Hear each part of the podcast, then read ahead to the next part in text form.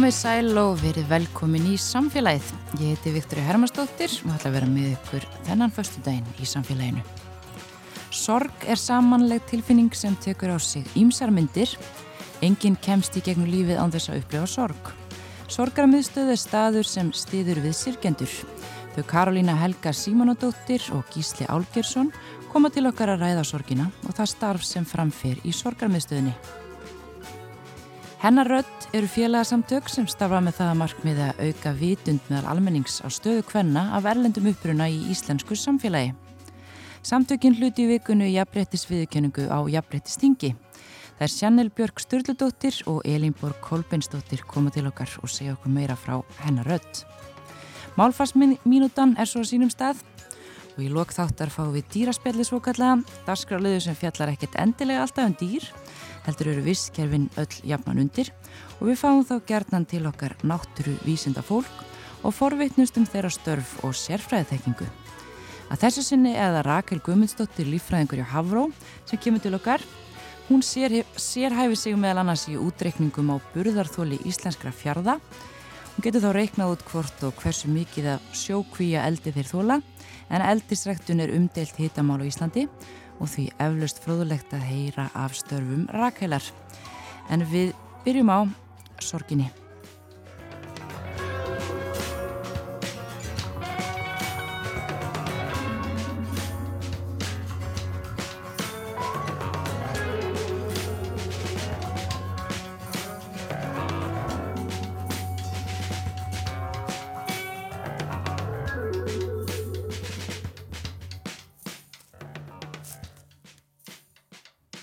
Verið velkomin, Karolína Helga Símonadóttir, stjórnarformaður Sorgarmiðstöður og Gísli Álgersson, stjórnarmeðlimur. Sorgarmiðstöð, hvað er það?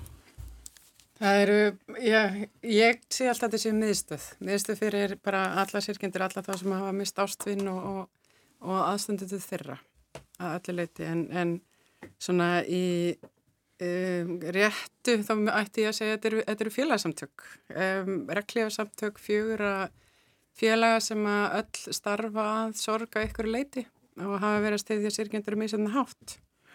Og ákvaðu í rauninni að, að hérna, samina styrksinn í einu félagi. Að því að við upplýðum alltaf ofta að þegar einstaklingur missir ástfinn og allar fara að leta sér eitthvað svona stuðnings eða aðstöðar að þá er þetta bara svona pínu hafsjór, hvað er ég heima? Í hvað félagi, þú veist það er allir með eitthvað svona skilgrinningar, eitthvað sem dettur á gráfastöðan á milli. Mm -hmm. Þannig við sáum fyrir okkur að sorgamistin væri í rauninni þessi trekt, þar sem að allir eru velkomnir, allir sem að hvernig þú missir ástundin og svo getur við, uh, þá verður þetta stiðið við einstaklingin, leiðan áfram í sorginans og þá, og hann getur þá svo leita til þess félag sem ávið, kannski með áframhaldandi félagskap. Þannig áður voru þetta fjögur félag sem að voru þá sérhæfð í einhvers konar sorg af einhverju tægi? Já, og er Já. ennþá í rauninni, þau starfa all sér, sér. þó þau séu hluti af sorgamistinu líka, sko. Já, það fólk leitar til ykkar þegar það hefur mist ykkur nákomin sér, já. já. Og hvernig hefur þetta uh, gengið eftir að þið komið og settuð sorgarmiðstöðuna að stað? Það hefur bara gengið útrúlega vel, við stekkum dag frá degi, held ég. Já, við margföldumst. Og margföldumst, já. Mm. Um, erum útrúlega heppin bara að fá að, að starfa fyrir svona félag. Og fyrir mér er þetta allt sem að Karolina segði og pluss það bara að hjálpaði mér persónulega mjög mikið á sín tíma. Þannig að við mörgvöldumst, við stekkum við gerum starri hluti meiri hluti.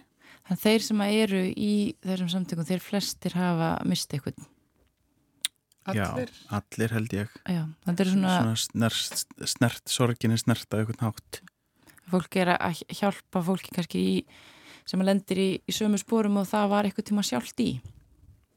Já, það er sko megin uh, starf sem er sorgumist þegar hann byggist á uh, hugsuninu um jafningastuðning og það er einnig það sem við tölum mikið fyrir að sko sorg er ekki sjúkdómi sem þú þarfst að laga, þetta er svo eðlileg tilfinning að hérna þessi söknuður, gagvart ástunniðinu sem er farin og þess líf sem að, veist, þið ætlið að eiga eða það sem að þú varst búin að sjá fyrir þér í framtíðinni.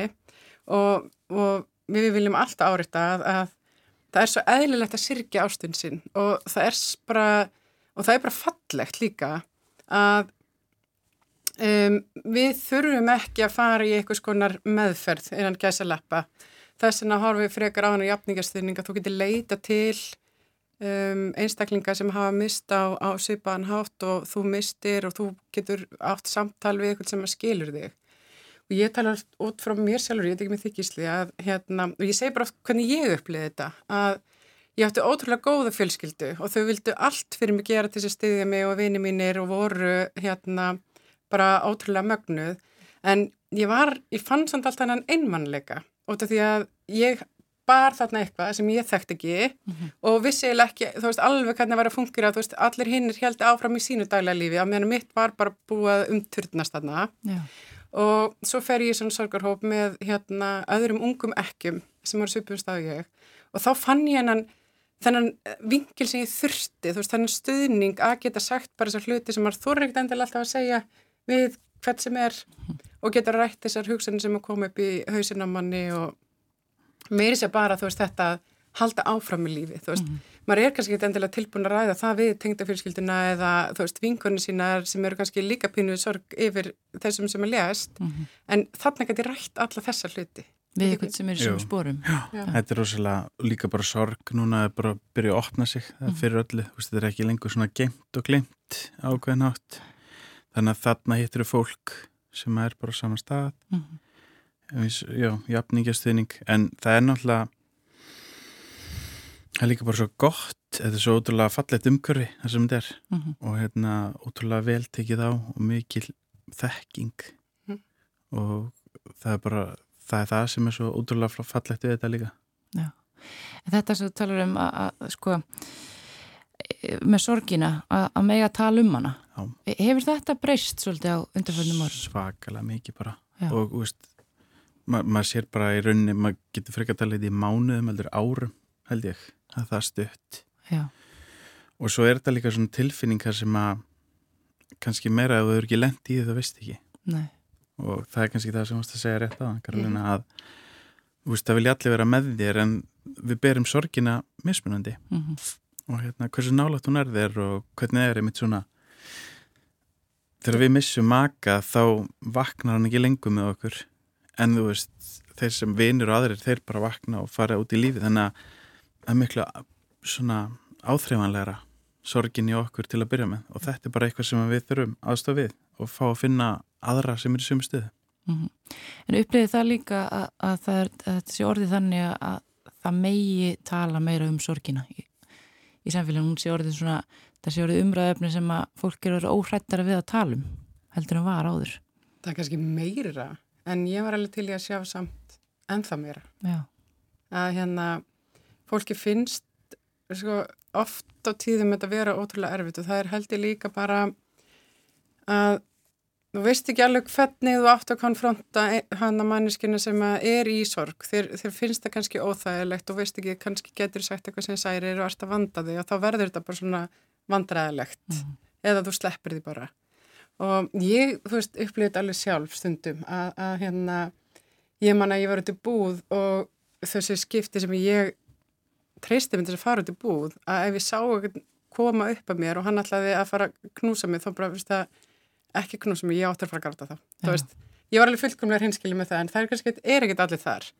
En þetta er líka bara, við erum einmitt hérna, við erum með rosalega góður upplýsingar á heimisíðu sorgumistæðar, einmitt fyrir aðstandendur hvernig geta stutt ástöðinu sín í sorg að þú þarfst að finna hvað þú ert tengdur þessum einstaklingi. Þú veist það er alltaf að sína umhyggju og, og, og hjálpa til en þú, ef þú ert ekki það er svona besti vinur innan, innan hérna einsta hrings, þá er það svo skrítið að þú ætlar alltaf að fara að vera bara inn á heimilegsa einstaklings, vera alveg ofanjum, þú meinir vel með því mm -hmm. og þá er samt alveg líka mörg þarna sko.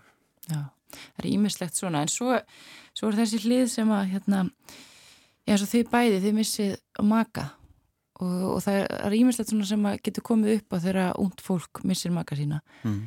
er, er kerfið uh, svona, vinnur það meðmanni eða á móti þegar það eru uppkomið svona aðstæðir þar sem að þú þarfst að kveðja þinn annars ástfinn og, og allt sem því fylgir? Nei, ekki alltaf. Nei, Nei mér stýr stundum Já, æg mér stýr stundum með svona, svona krútlegt tuðið mér þegar ég byrja. En þú veist, ég tala oft um það eins og maður minn, hann lést skindilega að hérna um, í fyrsta lagi þá var ég bara í einhvers konar frjálsum falli. Mm. Það er enginn sem tekur á móti er strax hann að við skindilegt andlátt og þú situr auknin einn uppi, veist ekkert hvað er næstu skrif eða hvernig það að vera og það er einmitt batteri sem að hérna sorgummistuðin er að vinna núna Já. að búa til teimi sem að heitir Hjálp 48 Já. og kemur vonandi í, í hérna svona, næstu mánuðum. Næstu mánuðum það er svolítið stort batteri, vorum við með ráðstefni núna í lok águst um skindilegt andlátt. Já þá bara eitthvað teimi sem að hjálpa fólki fyrir að og við erum svona að horfa til svona eins og áfalla teimisinn sem er kallað til, mm -hmm. ástöðnir er kallað til og þá komum við inn að 48 klukkustundar til þess að styðja einstaklingin þú veist með þau skrif sem eru framöndan og líka bara þú veist þeim að það átt að sé á sorginni og missinum og áfallinu og allir slíkla. Því í öllu þessu þá skiptir miklu máli hvort að einstaklingurinn hafi látið skindilega eða voru veikindum eða mhm. náð bara inn á sjúkrastofnun. Já. Það er rosalega mikil munir þar á þjónustu sem það ferð eftir á þá. Já, sem sagt í sorgatengi viðbröðum Já, myndi, og, og hvort að fólki sé þá jáfnvel beint áfram eins og til ykkar. Mm -hmm. Já, það er náttúrulega það sem að kannski var það góða í rástöfninu var að það, það kölluði allir eftir þessu að það væri til ykkur einn staður sem að hægt vera að beina fólki. Já. Því að kannski núna það sem að viðbrasaðilega voru að lenda svolítið í eru já, við þurfum að vita hvernig hann lérst út og hverju og þá eru nokkru staðir í staðin fyrir að geta sendt kannski einn. Já, og þeir, við höfum alltaf verið með SSD bara í fínu samstæri við það. Mhm. -huh. og hérna það er alltaf helst sjúkraflutningamenn sem að koma fyrstir vettung þegar svona skindilegt andlott og þeir hafa verið með bæklinga frá okkur uh, tengdu sjálfsví og öðru slíku og þeir koma til okkar fyrirbræði og byggja okkur um bækling bara sem er svolítið svona hlutlus vegna þess að þeir viti ekki alltaf hver dánaröðsökin eru. Þú veist það er ekki fyrir kannski laknir kemur og, og, og annars líkt þannig að þeir hafa núna frá sorgamistinu bækling sem er bara þegar ástunum deyr skindilega og svo mm. bara svona þessar helstu upplýsingar. Og þetta er fyrsta skrifu okkar í hjálp 48 verkefninu. Aðið mitt hérna brúa þetta bil svo að, að fólk lendi ekki í svona fyrir alls falli eins og ég gerir sjálf sko. Já, en sorgamistu er líka að vinna alls konar svona eins og réttindum hjálpa fólki að finna réttin, eða svona, já, leita réttan staði eftir réttindir sínu þegar það lendir í svona stöðu? Ég, við, sko, við, við erum það fá. Já. Það er draumurinn, já. já. Og við munum komast ángað, ekki spurning. En akkurat í dag erum við of lítill. Já. Við, bjóð, bjóðum upp á ráðgjöðþjónustu um, í því magna sem við getum. Við erum alltaf bara með sko, uh, starfsmenn í núna er það 190, 180% hlutfalli, ég man mm. ekki alveg regnidæmið og það segir sér sjálf, þú veist það er bara oflítið fyrir mm. sorgamistöðina um, draumurinn er einmitt að hafa bara starfandi ráðgjafa sem getur komið og tekið fyrsta viðtal, mm. hjálpa einstaklingunum áfram með það sem að hérna þarf hverju sinni og þetta er líka sko og ég hef útskýrt fyrir svo mörgum ráðumönnum þjóðarinnar að sorgumistun, þetta er ekkert eitthvað svona einfalt vegna þess að sorg og, og hérna andlat annað, þetta er svo rosa persónubundið og þú getur eitthvað ekki gert eitthvað eitt handrit yfir allt hvernig þú ætlar að láta það virka. Nei. En ótrúlega margar og góður upplýsingar á heimasíðan okkar mm -hmm. þar sem við svona getum beint fólki. En líf eftir sorg, er ekkert að lifa áfram með sorginni? Já. Algjörlega, það er sko ekkert. Og svo kannski núna líka, jólinn að koma, þessi fallegi tími Já. en hann getur verið líka verið ótrúlega erfiður fyrir marga, mm -hmm. sérstaklega sem er sorg og þá erum við mynd með rosalega flottan bækling mm. á netinu um jólun og sorgin hvernig við getum teklað aðstændendur og þá sem að þá sem að lendi í andlat, eða úst hvað heitir að verið snertir af andlatinu Já. þannig að mikið að gerast Þannig að þeir eru með alls konar fræðslefn inn á heima, heimasíðinu sem er okkar mm -hmm. sorgarmiðstöð.is og svo eru þau með það sem fólk getur uh, sótt um að komast í sjálfshjálparhópa og fára aðgjóð og slikt. Já, Já við erum með steinusópa og þeir eru, þeim er skiptu eins og makamissishópurinn er sagt, eftir aldri. Við erum með batsmissi, batsmissi á meðgöngu, um, þetta er sjálfsvíg, fóreldramissi, sískinumissi fyrir hérna ungmenn og unglinga. Já og reynum að stýða alla helstu hópa og ef það er ykkur hópar hérna úti sem við erum ekki að stýða þá bara endilega banka upp og, og, og hérna heyra í okkur og við hefum fengið beðinir að stýðja að því sorg, hún byrtist í svo ólík, bara ótrúlega mörgu í lífin mm. okkar og við hefum til dæmis fengið beðinir um að, að koma með um, svona sorgar erindi að fræðslu fyrir til dæmis aðstandendur heilabilaðara mm. að því að ástunniðin er í rauninni farin að mestu leiti þá hún setir staðar og það er þessi sorg. Og draumurinn okkar er alltaf að geta stutt alla við mm. allt en við þurfum svona höldum okkur svona einan ramma eins og staðan er í dag. En ég, hann að hjóa mitt þú vorust að spyrja hvort að sorgamist var búin að stækka mikið mm -hmm. og var í COVID-inu þegar maður held einhvern veginn að, að það er því svona smá stoppa öllu þá tvöfaldaðist komiföldi til okkar. Og, og hann heldur áfram að tvöfaldast og við erum með bygglista til meður í steinisópun okkar. Þá mynd ekki, alls ekki vilja hafa bygglista en, en, en því miður, þá erum við það. Mm -hmm. og erum við að byrja stað sem er fyrir norðan. Já. Við erum með fræsliðerindi og steinsópa þar. Já, þannig þeir að fara út á landsbyðina líka. Já, mér finnst mikilvægt að og mér finnst það oft svona pínu hérna, mér finnst það bara leiðilegt að þú veist, að því þú ert heima eitthvað starf á einhverjum ákveðnum stað þá farið ekki sömu þjónustu og eða átt heima höfuborgarsæðinu mm. Þannig að það er draumurinn okkar að geta verið með útibú svona á þessum helstu stöðum þannig að fólk geti leita aðstöðar með sorgirni sína að því að við þurfum öll á því að halda þar alls sem að hverju búum. Um Kæra þakki fyrir komuna í samfélagi Karolína Helga Símonadóttir og Gísli Álgirsson stjórnarmeðlimir hjá Sjórgamistuð yes, Takk fyrir okkur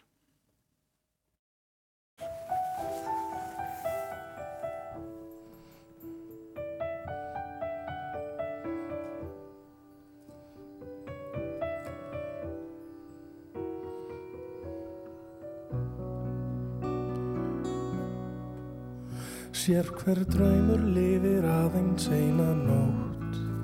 Sér hver aldar í sem nýgur jafnan skjótt.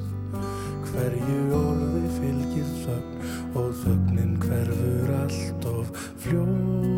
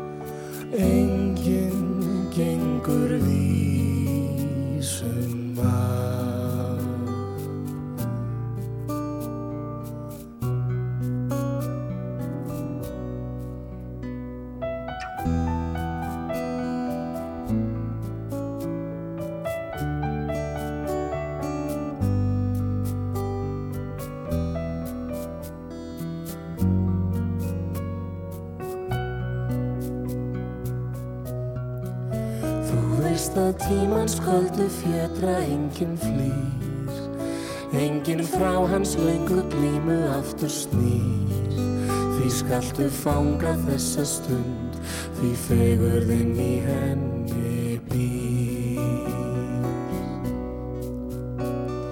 Lýttu sér hvert sólarlag Sem þitt hinsta væri það Því morgni eftir orðin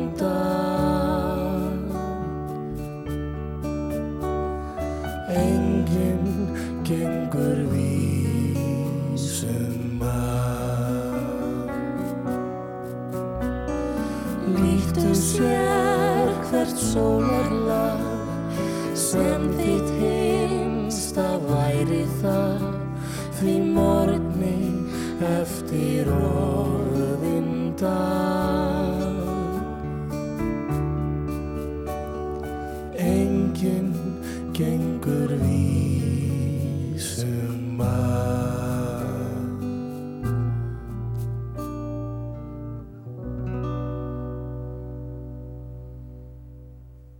Lítu sér hvert sólalag, Sigriði Tólarsíus og Valdimar Guðmundsson. Hennar rödd eru félagsamtök sem starfa með það markmiði að auka vitund með almennings á stöðu hvenna af erlendum uppbruna í íslensku samfélagi.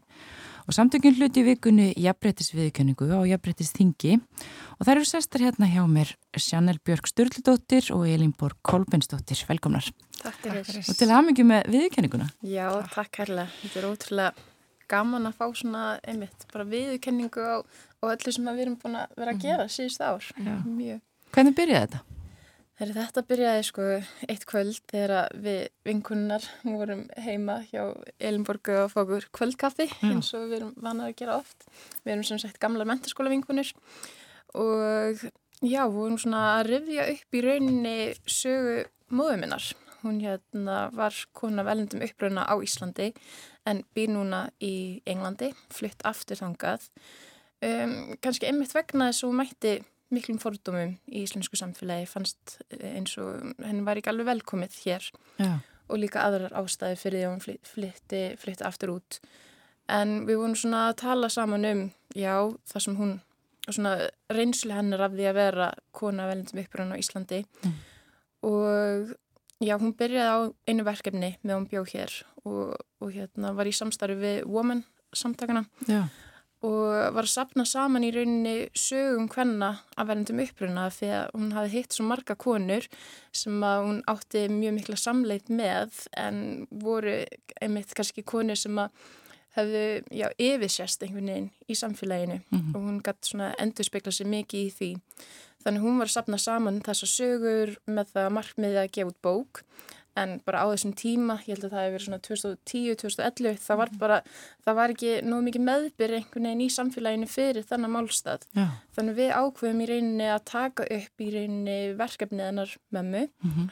og ákveðum að stopna samtök í mhm. kringum mm -hmm. þetta verkefni og byrjum á því að halda viðbyrði fyrst og heldum þarna fyrsta viðbyrjun okkar 2019 og þá fenguðu konur afvelendum uppröna í svona pallbórsumræður og gáfum þeim í rauninni bara orðið. Bara við verðum að skapa, já, vettvang til þess að rættir þerra um, bara fá að heyrast í samfélaginu, rættir sem að hafa mm. ekki fengið næjan svona hljóð, hljómgurinn eins og mhm. okkur finnst.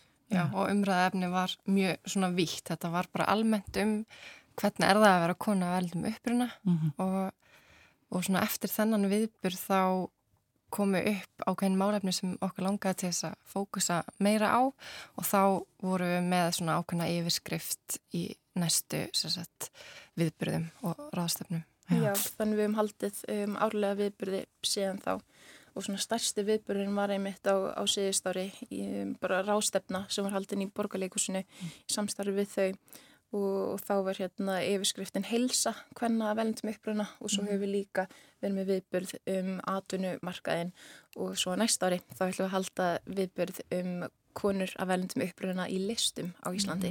Mm, Þetta eru uh, svona sögur þessara hvenna þar, þar heyrast ekkit oft? Nei. Nei, það er einmitt um, á Íslandi ég held að margir geta verið sammála því og það eru bara tölu sem að sína fram á það að við erum komið mjög langt hvað varðar jafnrétti, mm. jafnrétti uh, kynja á Íslandi og það er mjög gott að vera kona á Íslandi. Um, þú veist, tölurnar sína það bara. En ég held að það nær samt ekki yfir allar konur, það nær alls ekki yfir um, konur af velnum uppröna, konur sem eru ekki kvítar og hörund, bara konur sem eru já það kreppir að hjá þeim út af öðrum, öðrum breytum en mm. það að vera einungis kona mm. og það hefur vantað svolítið þetta inn í umræðina, inn í jafnrættis umræðina á Íslandi, vantar þessa inngildingu og vantar þessa bara menningar næmni og menningar læsi á því að, að það er, jú, það er svona ákveðin svona sameinlega upplifin sem að konur hafa út frá kyni en það er svona margt annað sem að, mm -hmm. sem að getur haft áhrif á á bara líf þara. Já, og við erum í rauninni svona megin, megin markmið samtakana er að skapa vettvang fyrir rættir hvernig við eldum uppruna mm. og þannig getur við einhvern veginn komið umræðina á stað og náttúrulega mjög mikilvægt líka í, í tengslum við viðbyrði að vera með vitundavakningu í fjölmjölum af því að það skiptir líka kífilega miklu máli. Ja. Þannig að já, við vinnum mjög mikið með það að Já. skapa vettvang. Þið tala um að þetta sé svona miskipt í afbreytti með alkveðna. Hvernig lýsir það sér helst í þessu? Hvernig, e, hvernig standa konur erlendum uppruna ekki á sama, eru hún á sama stað og, og, og íslenskar konur sem eru já, með íslenskan uppruna? Mm -hmm. Þetta er mjög margslungið, náttúrulega. Já, það er til dæmis eitt að nefna það bara á atunumarkaði. Þá mm. eru rannsóknir sem sína fram á það að konur af velendum uppruna eru tölvett líkleri til þess að vera ofmentaðar fyrir störfin sem þær sinna. Mm -hmm. um, svo konur sem eru hér á landi eru ofta tíðum með bara fjöldan af háskólagráðum en vegna bara kannski mismunun eða fordómum í, í ráningaferðlum þá er þær ekki að fá störfin sem að um, er við sitt hæfi mm -hmm. og þurfa þá kannski einmitt frekar að fara í um, láleina störf mm. og það, það er oft talað um hversu mikilvægt það er að læra íslensku til þess að fá bara aðgengi inn í samfélagið og, og hérna bara til þáttöku í samfélaginu mm -hmm. en að vera í láleina starfi og kannski með þryggjabarna fjölskyldu og hafa engan tíma til þess að komast í hérna, íslensku nám mm -hmm. og hafa kannski ekki pening heldur til þess. Yeah. Þetta er einhvern veginn svo, svo margt sem að gengur ekki upp til þess að einmitt að virka um, virkja þannan hóp til þáttöku. Einmitt, og það eru svona uh, fyrirtæki þurfa að taka svolítið þátt í þessu af því að maður hefur heyrst auðvitað góðar sögur þegar fyrirtæki eru að lifa starfsmennum og fara á vinnutíma til að, að fara í íslensku kjensli mm. að það er svona frumkvæði sem getur virkilega skipt máli eins og sennilega nefndi að það er bara ekkert auðvelt að fara beint eftir vinnu í íslensku kjensli þegar þú þarfst að sinna allri vinninni sem býðið einn heima í auðmunarstörfum og hérna, já, sjáum já. fjölskyldi. Einmitt. Þannig að þetta er svona, það er margt sem kemur inn í að þess að mm -hmm. þið hafi verið að sapna saman sögum hvernig að verðundum uppruna. Hvernig eru þessar sögur? Þær eru ótrúlega, hvað segir maður, eins fjölbreyttar og mm -hmm. þær eru margar í rauninni. Um, við byrjum sem sagt á því að, að halda þessa viðburði og það hefur einhvern veginn á hverju ári þá hafa viðbyrjunni stækkað og stækkað og svo, svo hafiði hún Elinóra Guðmundsdóttir samband við okkur fyrir hvað næst í þremur árum síðan núna mm -hmm. en hún er sem sagt réttstjóri útgáfu félag sem heitir VIA mm. og hún fekk hugmynd í kollin um að gefa út bók með sögum hvenna velendum uppruna og það hafði einhvern veginn alltaf verið svona markmiðið okkar að gera það einhver tíman mm -hmm. þegar samtökun væri orðin aðeins svona stærri Þannig við ákveðum bara að samina kraftana okkar, e, þekkingu og reynslu hennar sem réttstjóri og þekkingu okkar á málefninu og erum búin að vera að vinna að því núna síðan 2020 að sapna saman sögum hvernig að vendum uppruna sem við viljum að gefa út sem bók núna e, mm. vonandi í lok árs og við erum að gefa bókinu út bara á, á einn vegum þannig að það hefur verið fjáröflun fyrir prentkostnaði og, og útgáðunum um, núna á, á þessu ári. Mm -hmm. og við náðum markmiðun okkar sem vorum með á, á Karlænafönd söfnuna síða og við erum núna bara að leggja lokahönd á skrifin á þessum köplum og bókin verður einmitt gefin út á tveimur tungumálum um, bara strax mm -hmm. uh, við fyrstu útgáfi á ennsku og íslensku af því að okkur finnst það líka mjög mikilvægt að söguna séu líka aðgengilegar uh, þeim sem að tala ekki íslensku mm -hmm. en já, þetta eru bæði í rauninni sögur af hérna uh, velgengni og þetta eru sögur sem eru mjög átakanlegar mm -hmm. konur sem hafa búið stríð konur sem á kominga út af bara ástum og fjölskyldu saminningar, bara ótrúlega, mm -hmm. ótrúlega, ótrúlega fjölbreytta sögur. Já. Já. En samt alveg náttúrulega nokkru hlutir sem eru sameilegir hjá mörgum konum og það er svona kannski helst náttúrulega hversu mikilvæg íslensku kunnáttan er. Mm. Ef þú ert ekki með hana þá ertu svo útilokaður úr samfélaginu. Mm. Það var svona, bara held ég að allar nefndu það. Um, og svo er það tengslanetti, það er oft talað um það mm. og eins og jafnbrettis rástefninu var nefnt að, að konur eldum uppruna komast oftast ekki inn í saumaklúpa yeah. að það sé svona þú ert eitthvað megin já, Íslendingar eru oft í eitthvað svona kjarnahópi mm -hmm. sem konur eldum uppruna hafa eitthvað ekki aðgang að og, og, og jafnvel einmitt líka á vinnustöðum það komast í gott tengslanett þar er svo ótrúlega mikilvægt mm -hmm. upp á framgang í starfi og alls konar þannig að tengslanett er líka stór partur myndi ég segja. Algjörlega. Og það er svona einmitt uh, markmið okkar líka einhver leiti er að á viðbjörnum okkar þá eru við að samina einhvern veginn þessa, þessu tvö samfélag sem eru að skapast hér á Íslandi. Það mm -hmm. er þú veist innflunda samfélagið og svo Íslandingar og við viljum geta bara brúa bylið þar á milli og, mm -hmm. og erum kannski í, í svona ágæti stöði til þess sem Íslandingar uh, sjálfar. Já, mm -hmm. einmitt. En finnst ykkur síðan þið byrjuði á þessu, finnst ykkur svona umræðan hafa breyst? Það er kannski, veit ekki hvort það sé margtagt þegar þeir eru búin að lifa og hrærast í svona lengi, en Já. finnst ykkur svona eins og sé orðin kannski, að því mann finnst það sjálf um eins og sé orðin kannski meiri sko þólumæði fyrir því að það tala ekki allir íslensku, þetta er mjög erfitt mála að mm -hmm. læra og, og, og, og þetta sko að leipa fólki meira inn í inn í Íslands samfélag. Finnst vera, þetta eitthvað að vera að breytast?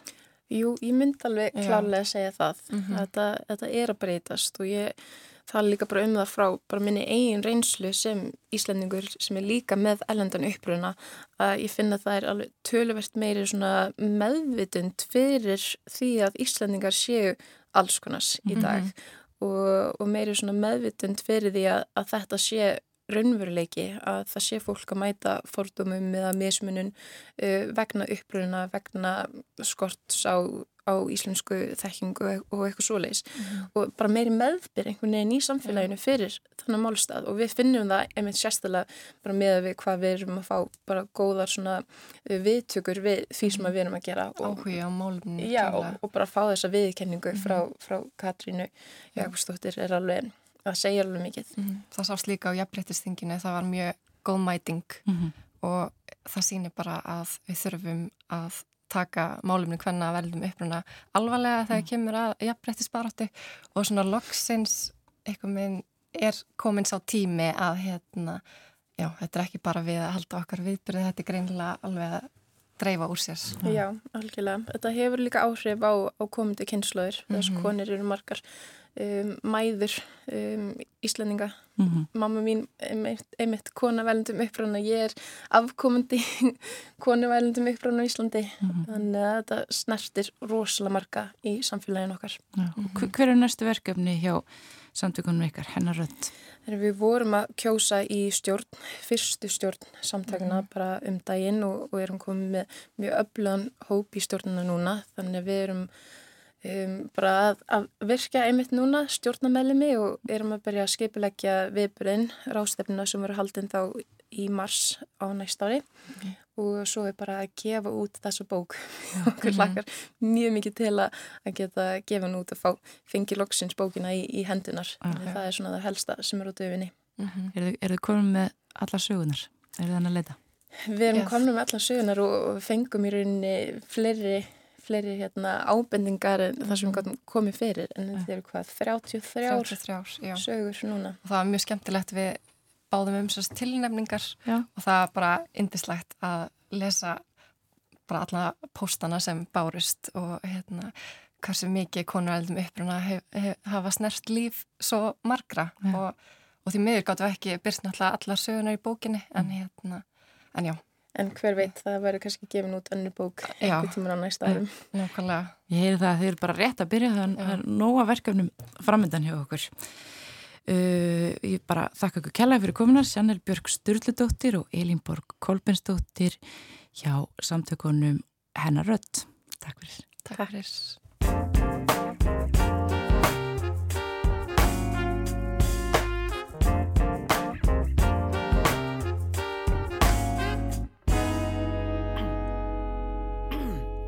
Afsakið, má ég segja nokkur orð Þó ég sé ekki vanur að draga mig fram Þá get ég látið mig hafa það Í þeim tilgangi að koma að Dæmi, dæmi, dæmi, dæmi, dæmi, dæmi, dæmi, dæmi, dæmi, dæmi, dæmi, dæmi, dæmi, gerðin dæmi Er ég í meira stuð en rökkáll, hans styrkari njón pál Hættulega vísjál það er ég Hver?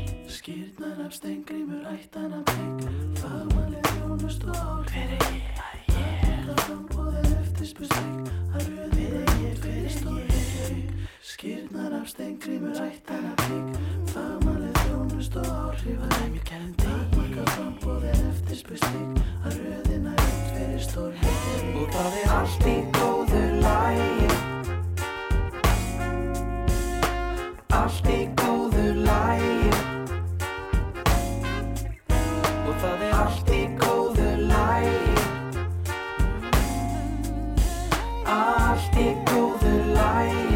lægi Með dæmi gerðan dag. Með öðrum orðum. Ég kann á dömunum handtökin. Ég fæ öll síðustu rólóinn Kaldastur jafnum gegn klakanum á Eitrar og sætar en Assessun 5K Já þetta er dæmi gerðu dagur. 1-0 stöngin inn Þú veist að ég er aðals ykkur pappin þinn Já dæmi dæmi gerðu dagur. 1-0 stöngin inn Já þú veist að ég er aðals ykkur pappin þinn Og það er allt í góðu lægi Allt í góðu lægi Og það er allt í góðu lægi Allt í góðu lægi Dæmi gerðan dag. Já það er allt í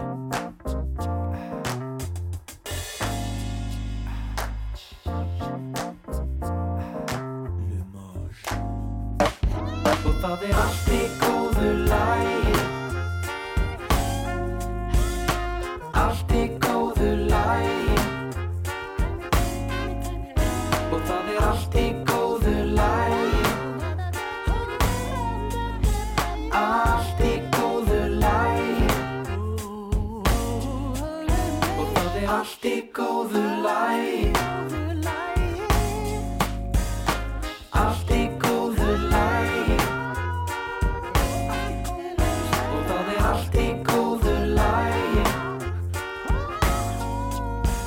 Allt í góðu lægi Með dæmi gerðan dag. Moses Hightower og allt í góðu lægi. Þá er komið að málfarsmínútunni.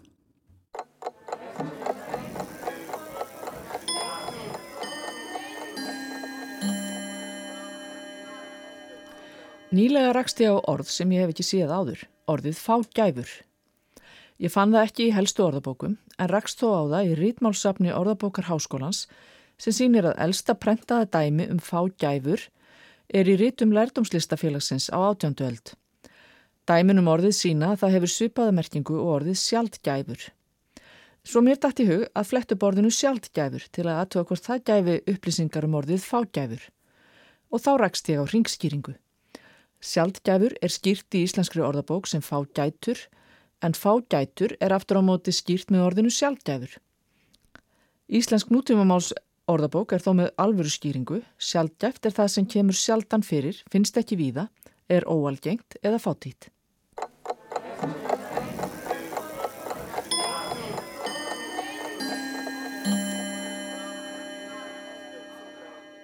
I see trees that are green,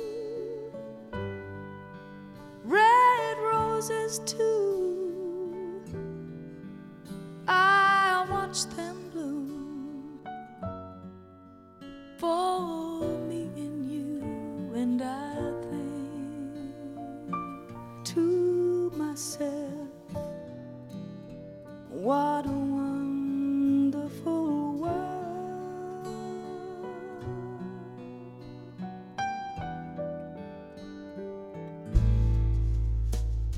I see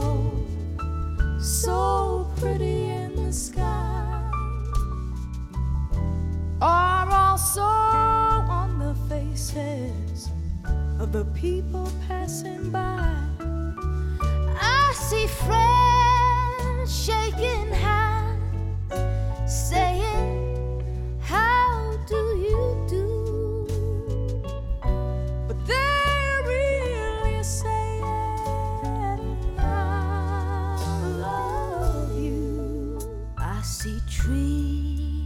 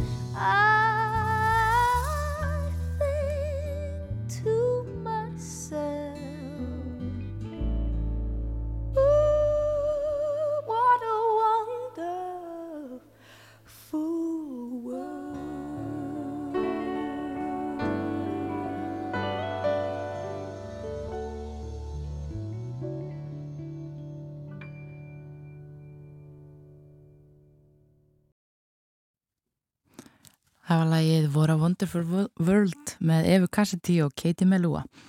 En næst ætlum við að heyra spjall Þórildar Ólafsdóttur við Rakel Guðmundsdóttur sem er líffræðingur hjá Havró.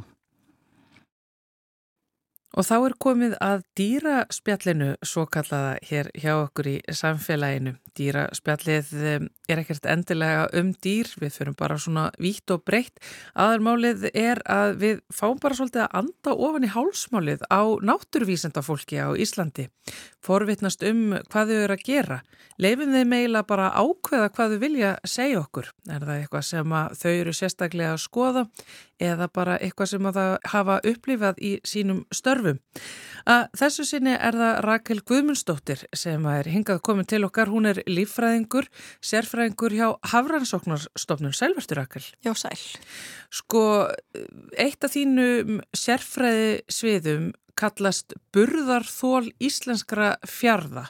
Getur útskýrt fyrir mér hvað líffræðingur er að gera með burðarþól og hvernig burðarþól tengist fjörðum? Sko, í upphafi var þetta, sérst, að, þegar verið að sækja um leifi til að hafa fiskgeldi, þá þurfum við að fylgja burðarþólsmat. Hversu mikið af lífumassa af eldisfisk er hægt að hafa í fyrði eða hafsvæði. Mm. Þannig að ekki hljótist uh, óasáttanlegu skaði af. Og ég er svona frekar nýlega komin inn í þetta verkefni. Uh, það var leitt áður af öðrum og hluti þeir, því fólki er ennþá að vinna með mér í þessu. Það er að hafa efnafræðingur og, og hafa eðlisfræðingur og svo erum við komið stærfræðing og annan eðlisfræðing. Já. og við erum sem sagt, það er búið að burða þólsmeta tíu fyrði og hafsvæði. Og, þarna, og það er bara gert, það er gert með því að mæla, mæla haf eðlisfræðilega þætti í ár. Og svo er þetta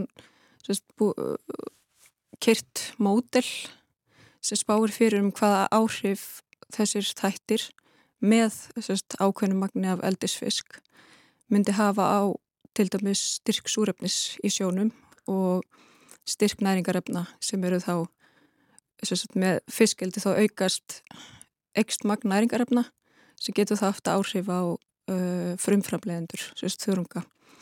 Og þegar þú talar um að það er að aukast magn næringarefna þegar það er sett eldi í fjörð, mm -hmm. Hvað er það? Það bara skýturinn af fiskurum? Jú, einmitt, það er skýturinn og fóður leifarnar. Já, auðvitað. Uh, reyndar nýtist fóður vel í eldi og það er svona að tala um fóðustuðlinn 1,2 sem þýðir bara þá fyrir kíló af, eða svona 1,2 kíló af, af fóðri færðu 1 kíló af fisk svona cirka og, en þá er það þessi 200 gram sem fara út í umhverfið og, og fiskurinn hann alltaf skýtur og hann andar og losar alls konar losar efni frá sér, þá köpnunar efni og, og fósfor og svo náttúrulega koldfísýring við öndun. Og af því að þetta er eldi að þá er verið að setja fisk og allt sem honum fylgir, bæði fóður og skít, mm. inn í fjörð sem að sko náttúrulega væri ekki meðan fisk í sér. Akkurat. Og þið eru þá bara að skoða í rauninni bara hvaða áhrif þetta hefur. Já, við erum náttúrulega bæði að skoða áhrifin eftir á, það er annað verkefni sem er umhverjus áhrif sjókveldis og svo eru við með burðaþólinu í rauninni bara svona að áætla, áætla hvað er hægt að leifa mikið af fisk eða lífmassa án þess að valda það hvað sé skadlegum áhrifum að það sé ekki sættanlegt, ásættanlegt. Já. og til þess að svona meta það þá höfum við litið til uh, vattatilskipunar það sést vera að leiða innleiðan á lögum um stjórn vatnamála og það er fjallað um að, uh, hvernig ástandið er gott, ekki gott og mjög gott sem sagt og sem sagt, já, það er mikilvægt að sagt, ástandið í þessum fjörðum það verði ekki verra með aðtöfnum manna til dæmis fiskjaldi. Mm -hmm. Sem er náttúrulega leiður okkur svolítið kannski að því að þú ert að skoða hluti sem eru afskaplega umdeldir á Íslandi. Já. E, þannig að sko, ég, af því ég tók nú svo til orða að það, ég væri að anda hér onni hálsmála á þér ég, einhvern veginn, ég, það er líklega ekki ég sem er að anda onni hálsmála á þér ég menna, er ekki hagsmunaðilar og pólitíkin og heimamenn og allir þeir sem að deila um sjókvíaldið að anda onni hálsmála á þér í þínu störfum? Ég er endar, hef verið bara frekar heppin með það að það, mér finnst ekki vera mikið vera andun í hálsmáli á mér Nei. en þetta er nú aðalega, maður les um les mikið í fjölmiðlum og á, á hérna, svona þráðum Já. hversu umdilt þetta er eh, þetta er alltaf einhver sem er ekki ánaður það er, eru náttúruvendarsamtök og það eru framgöndar aðilar þú veist þannig að það er alltaf einhver sem kannski er ekki alveg 100% sáttur Já.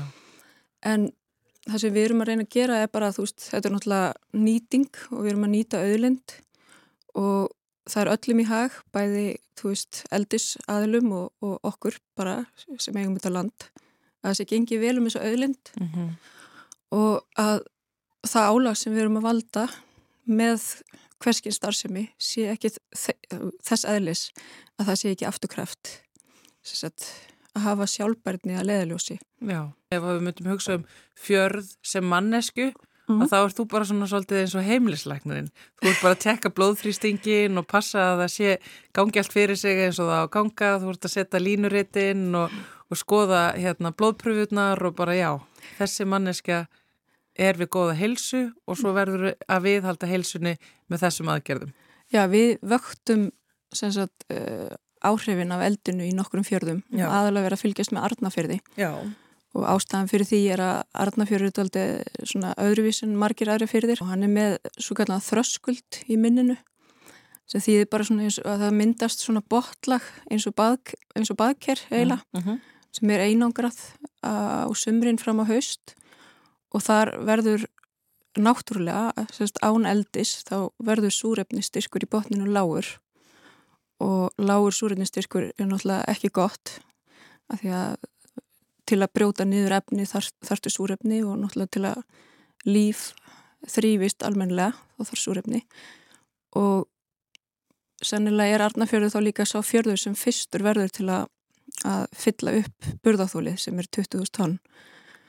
Allir hinnir eru frekar langt frá því sko. Þannig að mm. það er ekki hægt að segja að það hefur reynd beint á hámars burðáþól neinstæðar en við fylgjumst með Arnafjörði og, og það verður mjög áhugavert að vita hvort að 20.000 tónn þegar það kemur uh, hvort að það passi við það sem líkana reyninga segja. Já, en ég minna eins og staðan er að þá eru þið bara með útreikninga og, og vísind á bakuð ykkur þegar það kemur að því að reikna börðarþjól sjókvíaelda. Mm -hmm. þannig að það er enginn sem getur sagt bara já þessi fjörður þólir bara endalusta sjókvíaeldum og ég get sett sjókvíaeldi hér og þar og allstaðar að því að þið getið reiknað þetta, þið getið séð þetta. Já, svo er þetta náttúrulega bara mismunandi millir fjárða, sumi fyrir þeir eru náttúrulega ekki með þröskuld og þá er kannski greiðar í vaskipti en þá er kannski eitthvað annað sem tikkar inn eins og uh, bara aðra aðstæður eins og bara stærð fjárðarins, þú getur ekki sett bara 100.000 tonni í eitthvað lítinn fjörð, þá er náttúrulega ekkert eftir. Veist, það, þannig að það er alls konar hlutir og þar kemur einmitt vatnatilskipunin inn. Já. og það gengur allt út á einmitt að bara ganga ekki ofnari vistkerfinu þannig að það sé ekki hægt að uh, ná því tilbaka í rauninni og bara muna það að vistkerfinn og fyrirðinir eru að veita okkur þjónustu og við þurfum að ganga vel um þau. Mm -hmm. Þannig að það er þannig, sjókvægjaldin skilja þó eft, alltaf eftir sig ákveði svona umhverjus fótspor mm -hmm. og mhm. þið eru í rauninni svona finnið það út og síðan þá einmitt eh, hversu mikið þið fjörður þólir að það sé, já þá bara trafkað innan gæsalappa á sér. Já og, og það er alveg vitað að bara alveg svo úrt með uh, búfjana, það verður alltaf einhvað, einhvað fótspor já, já. og það er fótspor undir og nálat kvíunum en þá hafa Eh, er í sérst, reglugerð hveð áum að það þurfa að kvíla eldisvæði sérst, þá er engin fiskur á þessu svæði í að lámarki þrjá mánuði ja. og vonin er svo að, að vistkerfi ná að reynsa lífran efnið, brjóta það niður áður en að eldi hefsta nýju.